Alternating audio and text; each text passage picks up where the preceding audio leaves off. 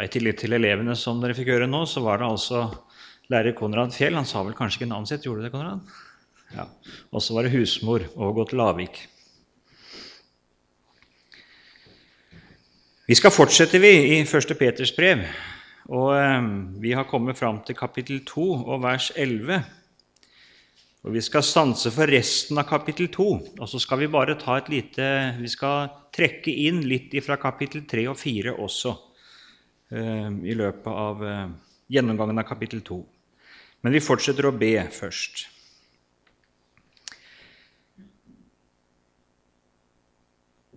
Ja, himmelske Far, vi takker deg enda en gang at vi skal få samles om ditt levende ord, det som kan gjøre vis til frelse ved troen på Jesus Kristus.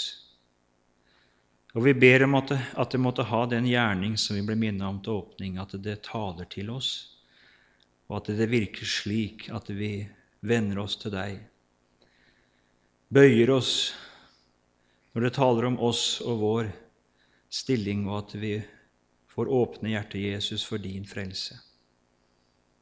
Vi ber om Din Hellige Ånd over ordet til å åpne våre hjerter for ordet ditt og til å åpne ditt ord for oss. Amen. 1. Peter 2, og vi leser fra vers 11 i Jesu navn. Mine kjære, jeg formaner dere som fremmede og utlendinger at dere avstår fra de kjødelige lyster som strider mot sjelen. La deres ferd blant hedningene være god så at de, skjønt de baktaler dere som ugjerningsmenn, likevel må prise Gud på den dag når Han besøker dem, fordi de ser de gode gjerninger dere gjør. For Herrens skyld skal dere underordne dere under enhver menneskelig ordning, enten det nå er en konge, som den høyeste, eller landshøvdinger som er utsendt fra ham, for at de skal straffe dem som gjør ondt, og hedre dem som gjør godt. For slik er det Guds vilje, at dere ved å gjøre det gode skal stoppe munnen på uforstandige og uvitende mennesker. Som frie skal dere ikke være slike som bruker friheten som påskudd til å gjøre ondt, men som Guds tjenere. Vis alle ære, elsk brødrene, frykt Gud, er kongen. Dere tjenere, underordne dere under deres herrer, og vis dem respekt ikke bare de gode og rimelige, men også de vrange. For dette finner nåde om noen av samvittighet for Gud tåler sorger når han lider urettferdig. For hvilken ros fortjener dere vel om dere finner dere i straff når dere har, når dere har syndet? Men om dere tåler lidelse når dere har gjort godt, da finner det nåde hos Gud. For til dette ble dere kalt, fordi også Kristus led for dere og etterlot dere et eksempel for at dere skal følge i hans fotspor, han som ikke gjorde synd, og det ble ikke funnet svik i hans munn, han som ikke skjelte igjen når han ble utskjelt, og ikke truet når han led, men overlot det til ham som dømmer rettferdig, han som bar våre synder på sitt legeme opp på treet, for at vi skal dø bort fra syndene og leve for rettferdigheten. Ved hans sår er dere blitt lekt. Dere var jo som villfarne får, men har nå omvendt dere til deres sjelers hyrde og tilsynsmann. Bare veldig kort for å sette dette inn i sammenhengen. Apostelen Peter han taler til troende som opplever prøvelser på mange vis, trengsler, både fra sitt eget kjød og fra verden.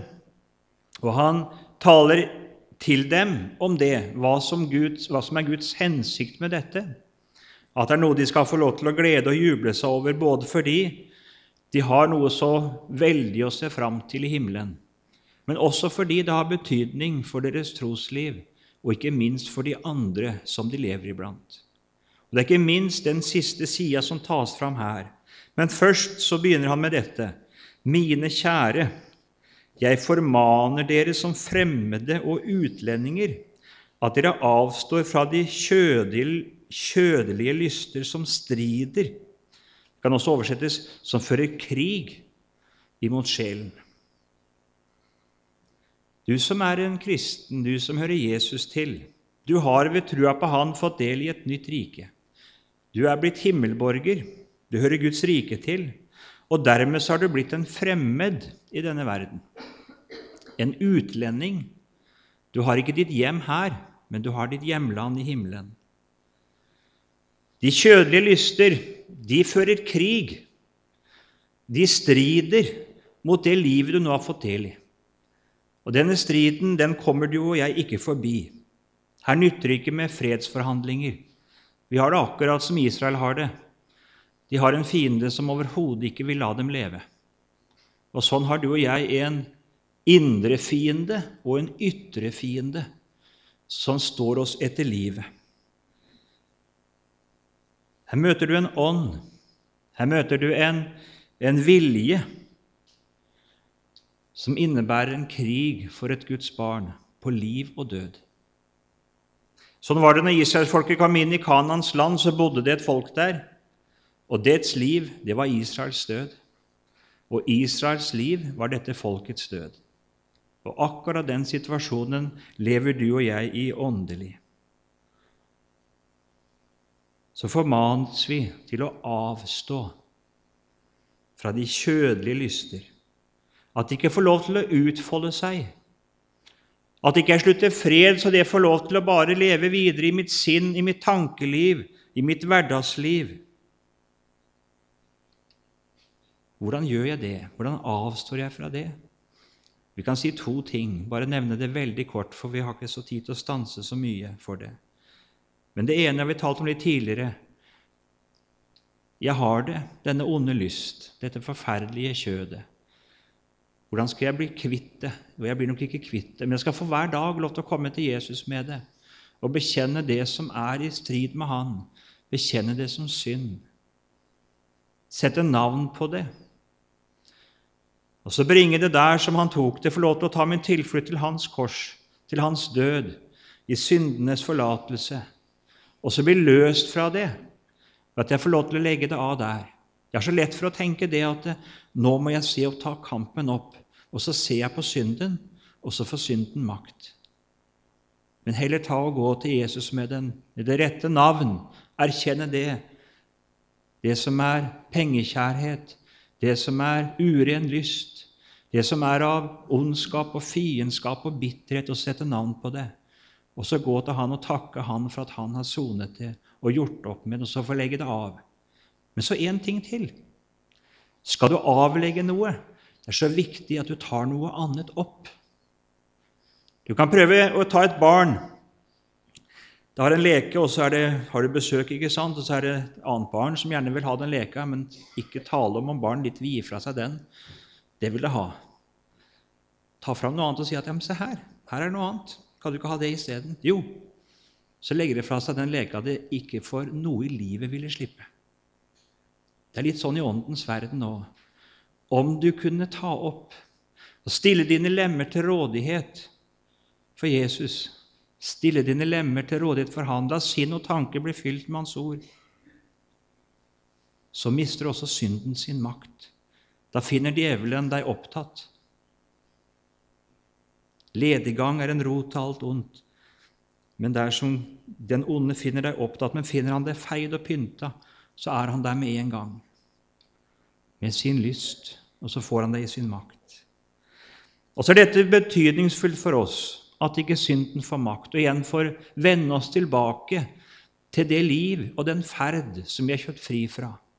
Men det er også betydningsfullt for de jeg lever iblant. La deres ferd blant hedningene være god, så at de, skjønt de baktaler dere som ugjerningsmenn, likevel må prise Gud på den dag når Han besøker dem, fordi de ser de gode gjerningene dere gjør. Det er jo nesten ikke stuereint for oss i dag å tale om gode gjerninger. Da rynker vi fort på nesa. Men Skriften er ikke redd for å tale om det. Det er den ikke. Og så skulle ikke vi være det heller. Vår ferd iblant de uomvendte skal være god. Den skal være sann, ren, hellig, rettferdig, kjærlig, mild osv.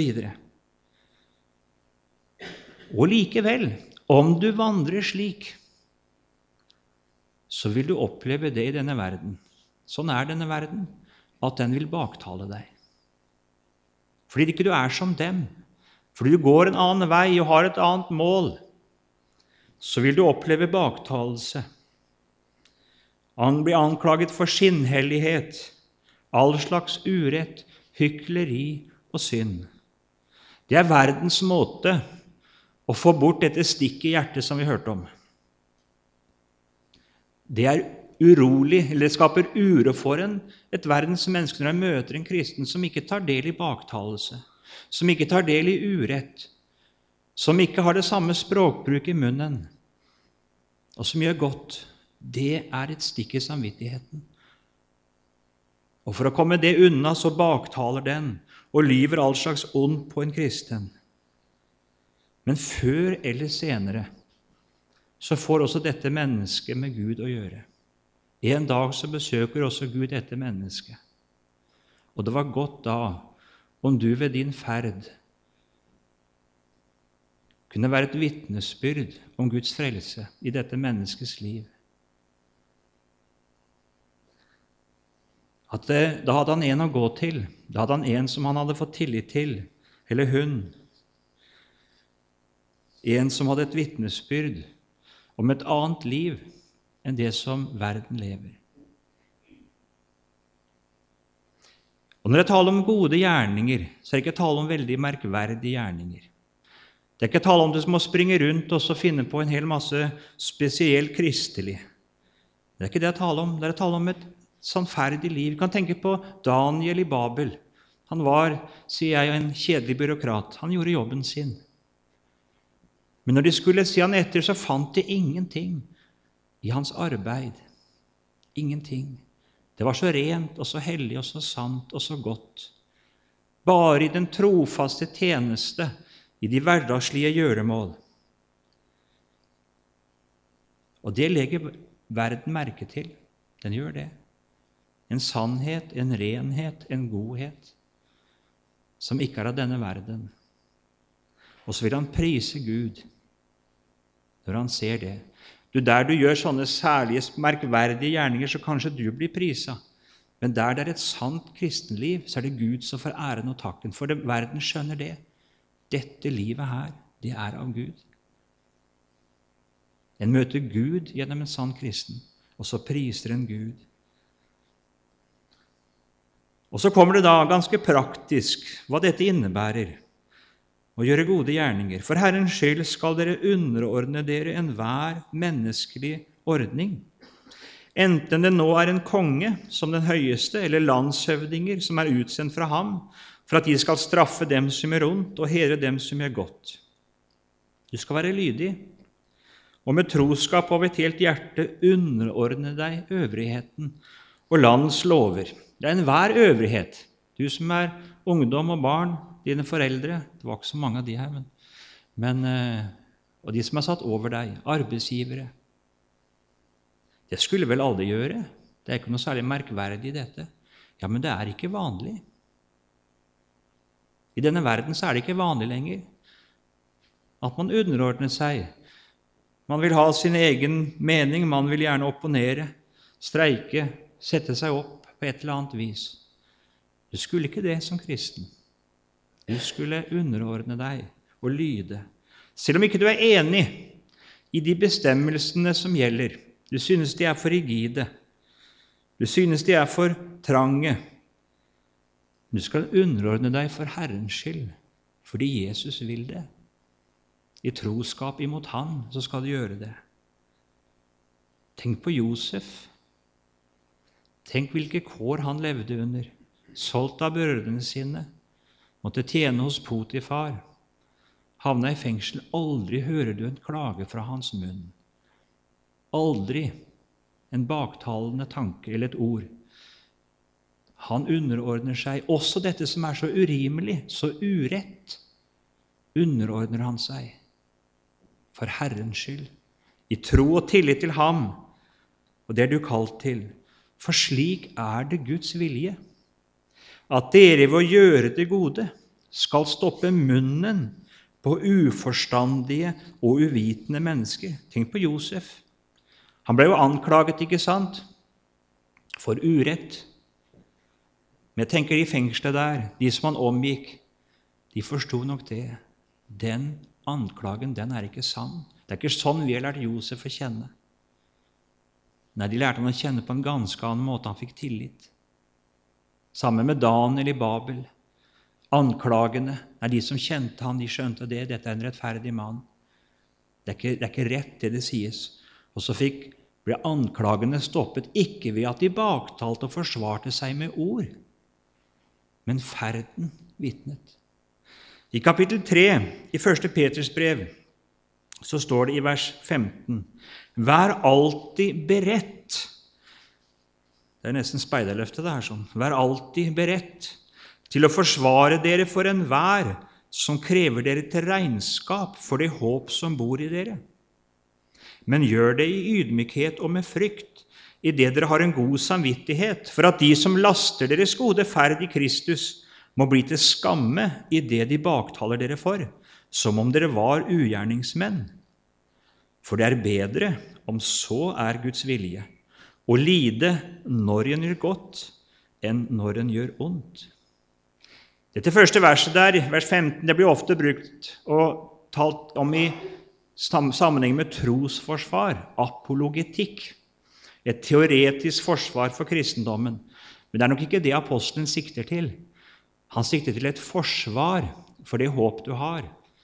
For du har et håp, ikke sant, at du skal leve en dag med Jesus i det evige riket sammen med Han. Og verden følger med deg, og den ser på deg. Min mor fortalte da hun gikk på Drottningborg i sin ungdom Hun var ingen kristen.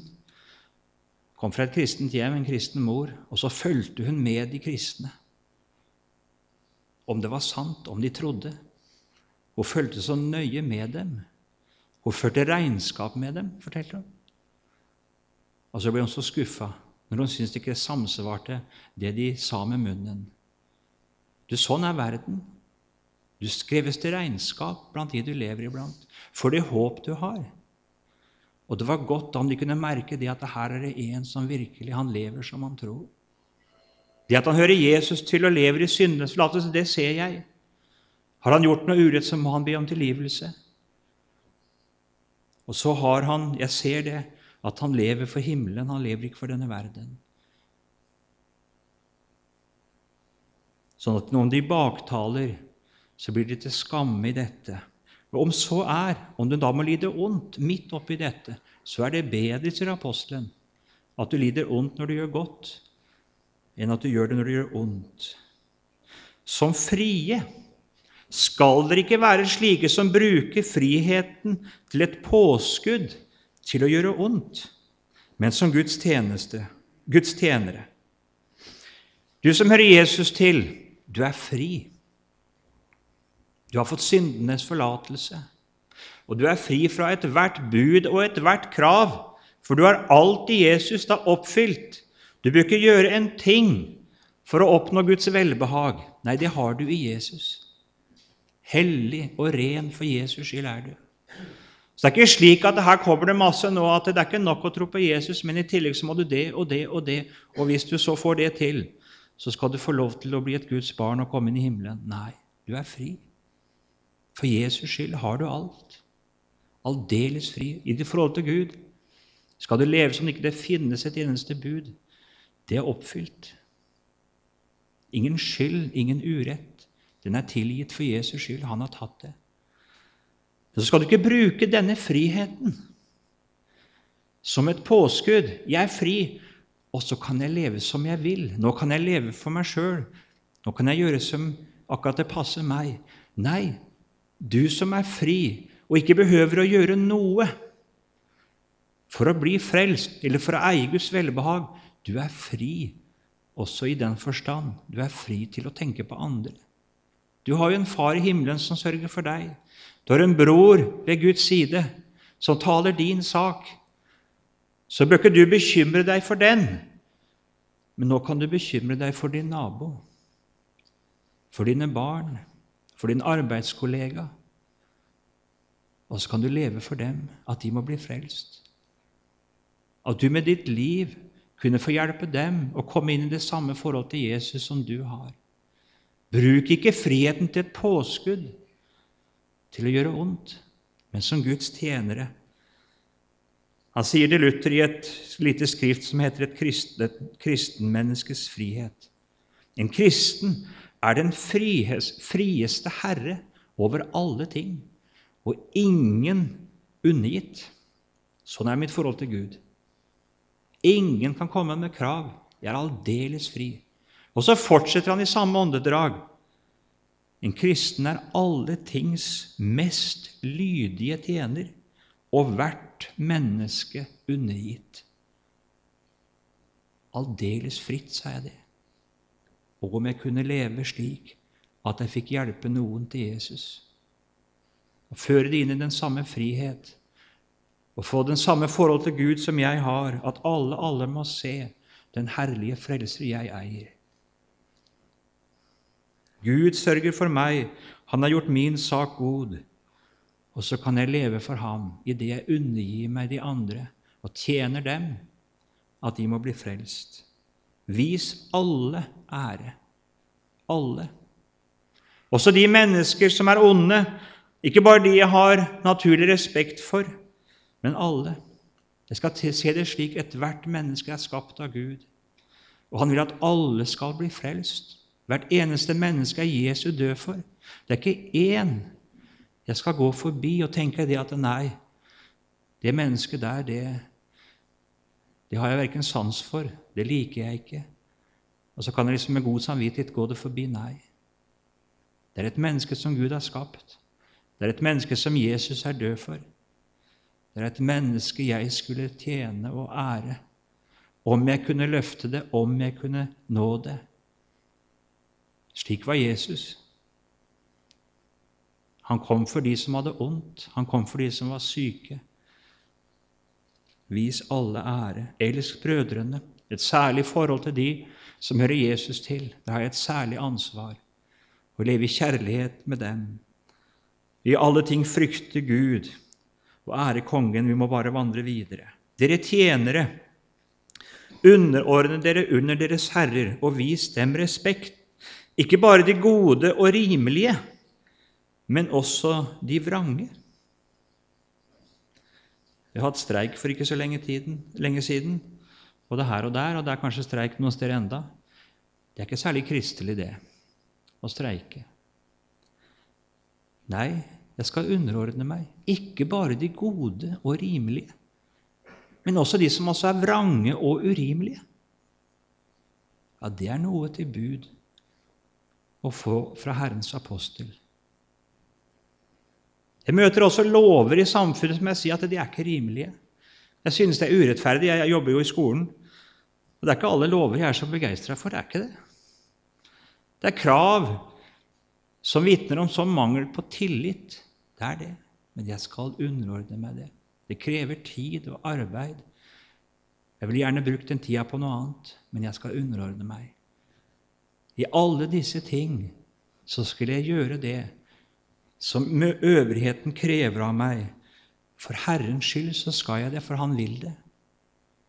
Jeg skal tenke det at i dette tjener jeg Herren. Det gjorde Josef i fengselet og det var urimelig at han skulle sitte der. Men han tenkte ikke slik. Han underordnet seg, og så tjente han Herren der. Det gjorde denne tjenestejenta hos Naaman, som var blitt bortført. Og hun tjente Herren der, og gjorde vel for sin herre, som hadde tatt henne og gjort henne som hadde vært fri, til hennes sin slave.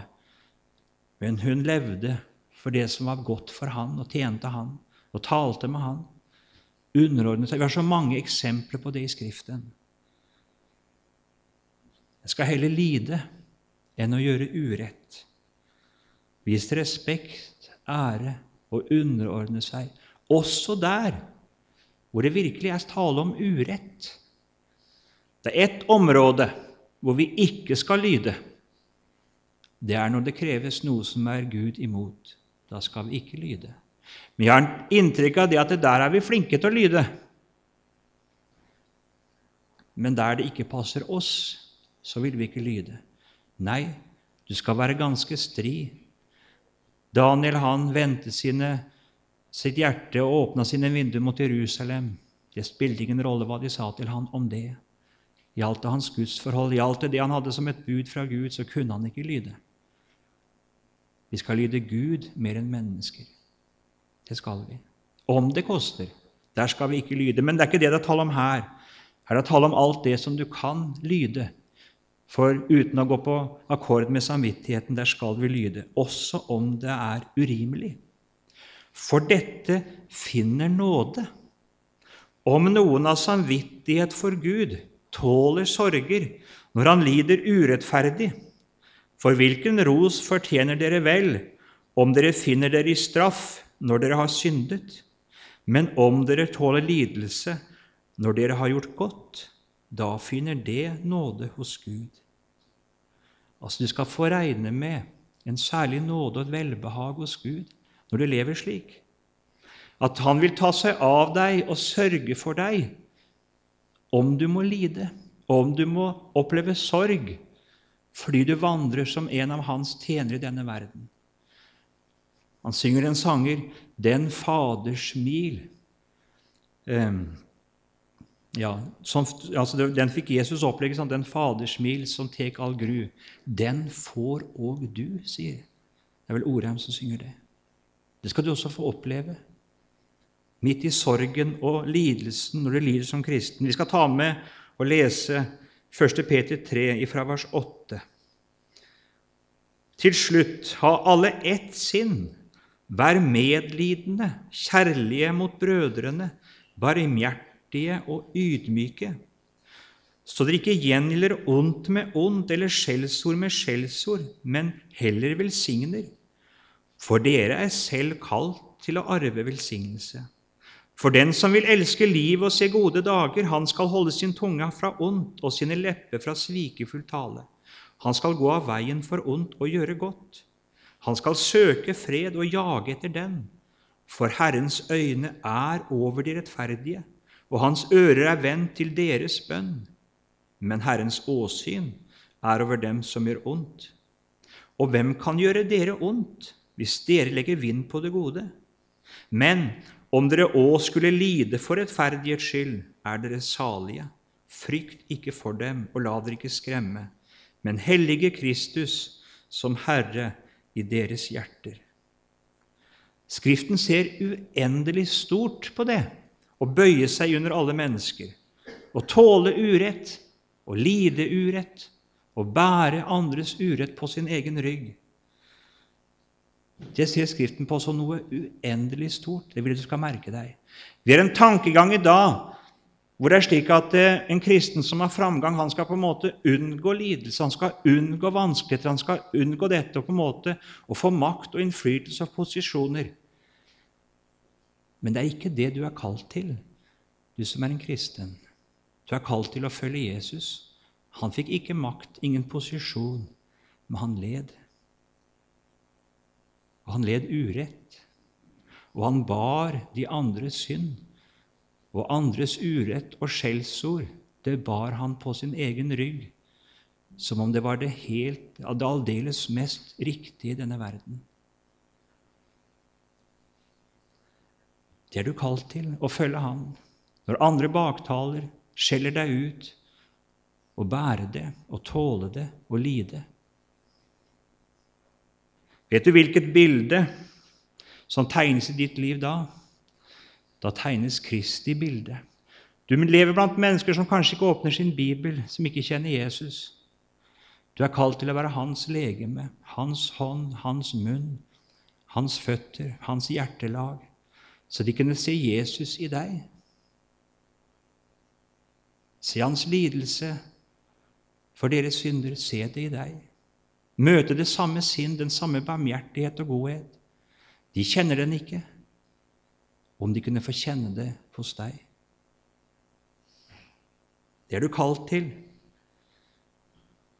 Vi skal lese fra kapittel 4 og vers 13.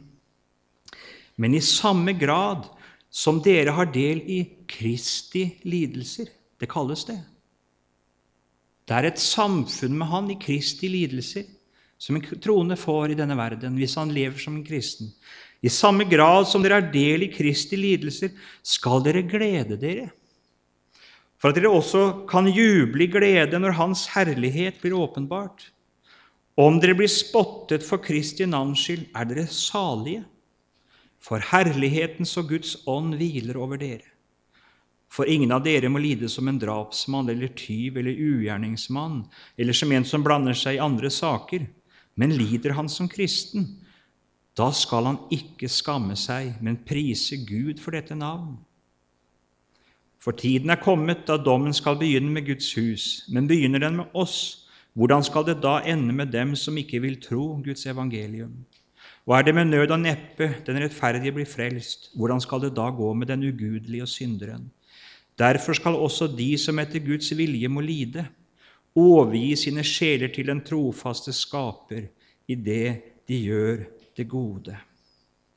For Nå er vi tilbake i kapittel 2.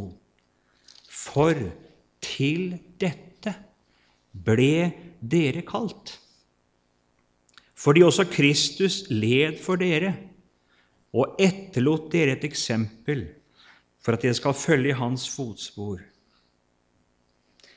Jeg har en liten bok hjemme av en som heter Steinberger. Den heter 'Veien i lammets spor'. En gammel bok. Har du den, må du gjerne ta den fram og lese den. Det er en kristens liv. Det er troens liv. Det er ikke en vei i selvhevdelse, ikke en vei i, kjødets, etter kjødets lyst og vilje, men det er troens vei i Jesu etterfølgelse Idet en kristen overgir sin sjel til den trofaste Skaper, idet han gjør det gode, slik vi leste det i 1. Peter 4,19.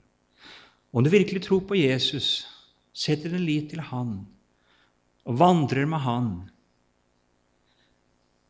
ja, det prøves det når du lider urett. Det prøves i møte med andre menneskers urimelighet, falske anklager og urettferdighet. Da prøves det om du setter din vei i Herrens hånd og stoler på Ham, eller om du setter den i din egen hånd og stoler på deg selv. Det blir selvhevdelse. Da misunner du den som gjør urett. Da skjeller du han ut. Da tar du igjen. Men regner med det, jeg har en bror ved Guds side som tar seg av min sak. Jeg skal få sette min vei i hans hånd, stole på han, han har ført min sak og gjort det så god innenfor Gud. Han skal også føre min sak i denne verden. Og så skal jeg bøye meg, og så skal jeg bære over med de andre, slik han har båret over med mine synder. Slik han har tilgitt meg min urett, så skal jeg tilgi de andre deres urett.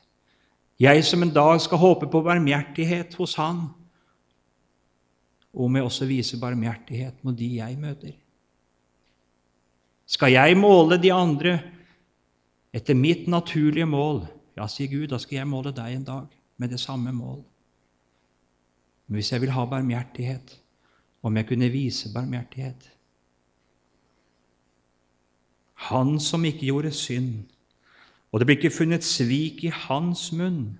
Han som ikke skjelte igjen når han ble utskjelt, og ikke truet når han led, men overlot det til ham som dømmer rettferdig. Du, slik var din frelser. Og det er din redning at han var slik. Han som ikke møtte dine synder, han som ikke møtte alt det som er ondskap hos deg, med å ta igjen. Han kunne gjort det. Han kunne kommet ned og krevd deg og meg til regnskap for våre liv, for våre ord, og sagt 'nå skal du få det du fortjener'. Han hadde makt til det. Men han kom ikke for å dømme verden. Han kom for at verden skulle bli frelst, at du skulle bli frelst. Og så tok han din synd, du som bare har trøtta han med dine synder og voldt han møye med dine misgjerninger, og så la han det på sin egen rygg. Og så tok han straffen for det. Han som ikke hadde gjort synd. Og Det ble ikke funnet svik i hans munn. Han tok det på sin rygg, og så møtte han dommen over dine synder. Som om det var det aller mest riktige. Det gjorde han. Han som bar våre synder på sitt legeme opp på treet. I stedet for å true og skjelle, i stedet for å ta igjen, i stedet for å hevde sin rett, så tenkte han på deg, at du skulle bli frelst. Og så bar han din synd og din urett for at du skulle bli frelst. Det måtte du ha, det trengte du. En slik bror. En slik storebror. Til dette er også du kalt. Det er min frelse og redning at jeg har en sånn storebror som tok min plass og tok alt mitt, og ikke ga meg igjen, men som tilga meg, som bar mitt og sonte det og gjorde opp med det for at jeg skulle bli frelst. Og så er du kalt til å følge dette fotsporet, for at de som du lever med, og som ikke kjenner Han, kan lære Han å kjenne. At de kan møte det samme sinn og den samme barmhjertighet i ditt liv. For Jesus får opp til himmelen, og han satte deg her i denne verden. At han skulle vinne skikkelse i deg, og de andre kunne kjent, andre kunne kjenne Han gjennom deg. Vi er Kristi brev, sier apostelen Paulus, kjent og lest av alle mennesker. Og om det brevet, om det kunne skrives der med tydelige bokstaver, at det virkelig var et Kristi brev om rettferdighet, om frelse, om nåde, om syndenes forlatelse, at ditt liv kunne være et sånt brev der du vandra fram, at de kunne møte Jesu Kristi bilde tegna i deg. Det var Guds vilje. Det ville Jesus. For han vil sanke der han ikke har strødd, og han vil høste der hvor han ikke har sådd. Det vil han. Det er jo teksten for denne dagen, egentlig, det, fra Matteus 25. Han ville det. For at vi, fortsetter her i kapittel 2, skulle dø bort fra synden og leve for rettferdigheten. Jesus han bar dine synder og mine synder opp på treet og døde med dem. For at jeg skulle bli løst fra dem, først og fremst løst i mitt forhold til Gud. Tok de bort skyldbrevet som var skrevet med bud. Han tok det bort idet han nagla det til korset. Men her tenkes det videre. Han løste meg også fra mine synder for at jeg ikke skulle leve videre i dem, men for at jeg skulle dø bort ifra synden og leve for rettferdigheten. Og Merk deg det når du møter andre menneskers urett og ondskap og baktalelse. Da er det noe i deg som reiser seg, og du vil ta igjen. Du vil gi igjen, du vil hevde din rett. Vet du hva det er? Det er selvlivet, det egenviljen og egen egoismen, den reiser seg.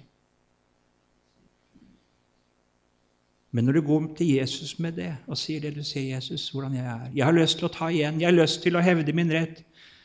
Men du sier det er synd, det er urett imot deg. Nå må du ta det. Og så går jeg til Jesu kors med det og ber om tilgivelse for det. Og det er død for det gamle mennesket.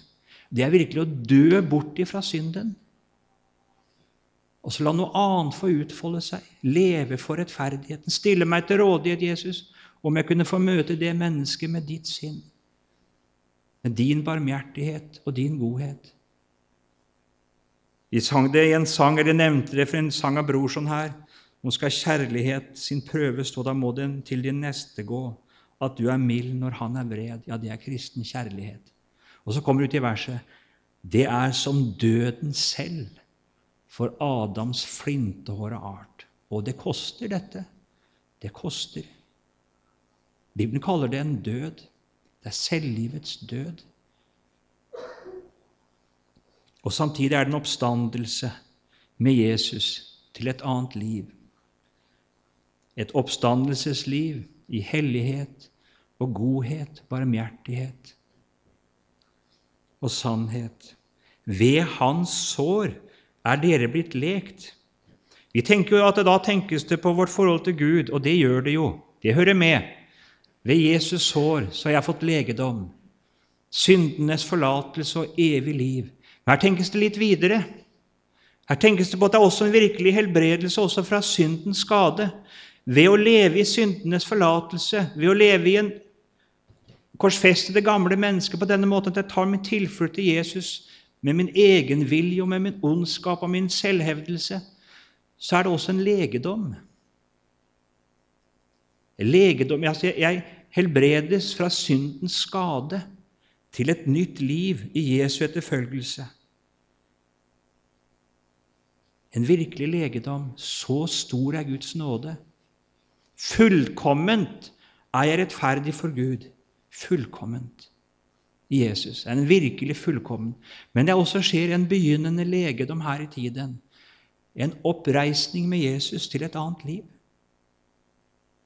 I sannhet og renhet. Vi, det, vi leser i Salme 40. Han dro meg opp av fordervelsens grav. Han satte mine føtter på en klippe. Tenk jeg får høre Jesus til å få stå på fast grunn. Han gjorde mine trinn faste. Det kommer en ny ferd. Han lar min munn en ny sang, en lovsang til vår Gud. Det får følge for livet at du hører Jesus til, hvis du gjør det i sannhet. Det er en virkelig helbredelse av syndens skade. Nå er det slik at synsforlatelsen er fullkommen. Men denne helbredelsen her, den er bare begynnende. Den skal ikke være fullkommen før du står hjemme hos Gud, skal få se Jesus som han er. Da skal du bli ham lik. Men allerede her i tiden så skjer det en likedannelse med Kristus, så sant du hører Jesus til. Bli i meg, sier Jesus, så blir jeg i dere. Et nytt liv. Dere var jo som villfarne får, men har nå omvendt dere til deres sjelers hyrde og tilsynsmann. Vi, vi for alle vil som får, som står det i Jesaja 53. Sånn er vår syndige natur. Og fulgte vi den, ja, så gikk det sånn. Da tok vi hver vår vei. Det ligger i vår natur. Men du som har tatt din tilflukt til Jesus, du har kommet inn under den gode hyrdes ledelse. Han sier det Paulus til korinterne. Han beskriver først syndens mange utslag. Så sier han det slik var det en gang med dere. Det var slik. Men dere har latt dere vaske rene. Dere er blitt helliget. Dere er blitt rettferdiggjort i den Herre Jesu navn og i vår Guds ånd. Du som hører Jesus til, du lever ikke lenger etter det gamle mennesket. Nei, Så sant du Jesus til, så gjør du ikke det. Og det er der, og det kan føre deg til fall. Men det er ikke lenger ditt livselement. Men du har fått et nytt liv. Du er ikke lenger et villfaren får, men den gode hyrde. Han har fått henta deg og føre deg inn i sin fold. Og så sier Jesus om disse, mine får, de hører min røst, og de følger meg. De har smakt at Herren er god, og derfor holder de seg nær til ham, henger ved ham, og de følger ham. Og han leder sine på rettferdighetsstier for sitt navns skyld. Slik ville Jesus æres. Han ville æres gjennom sine. Så hender det nok det at også Jesus får de tar ut. I det Fåret kommer på avstand. Det kan skje med deg, og det kan skje med meg. Vi kommer på avstand fra vår frelser og hyrde, og vi roter oss inn i noe og setter oss fast. Og det går ikke så godt, og det er godt at vi har en gode hyrde som er ute og leiter etter det som har kommet bort igjen, og henter det inn med sin kjepp og sin stav og leder det, og kaller sine til en daglig omvendelse og renselse i hans blod. Når det står om de som når fram på den siste dagen, så står det ikke det at de hadde gått så aldeles rent og aldri skitna seg til. Nei, det står det at de har tvettet sine kjorter og gjort dem hvite i lammets blod. Derfor er de for Guds troende. Så det vi har talt om i formiddag Tenk ikke slik Ja, lykkes jeg ikke med dette? Er det slik at det er gått i stykker for meg dette, å følge Jesu fotspor, så er det ikke håp for meg. Nei, tenk ikke slik. Tenk at du har en hyrde. Han er slik mot deg. Han er barmhjertig. Han er mild. Han bar dine synder, også de du gjør som en kristen. Han bar de opp på korsets tre. Hans nåde, den er ny hver morgen. Hans barmhjertighet, den har ikke ende. Det er din redning.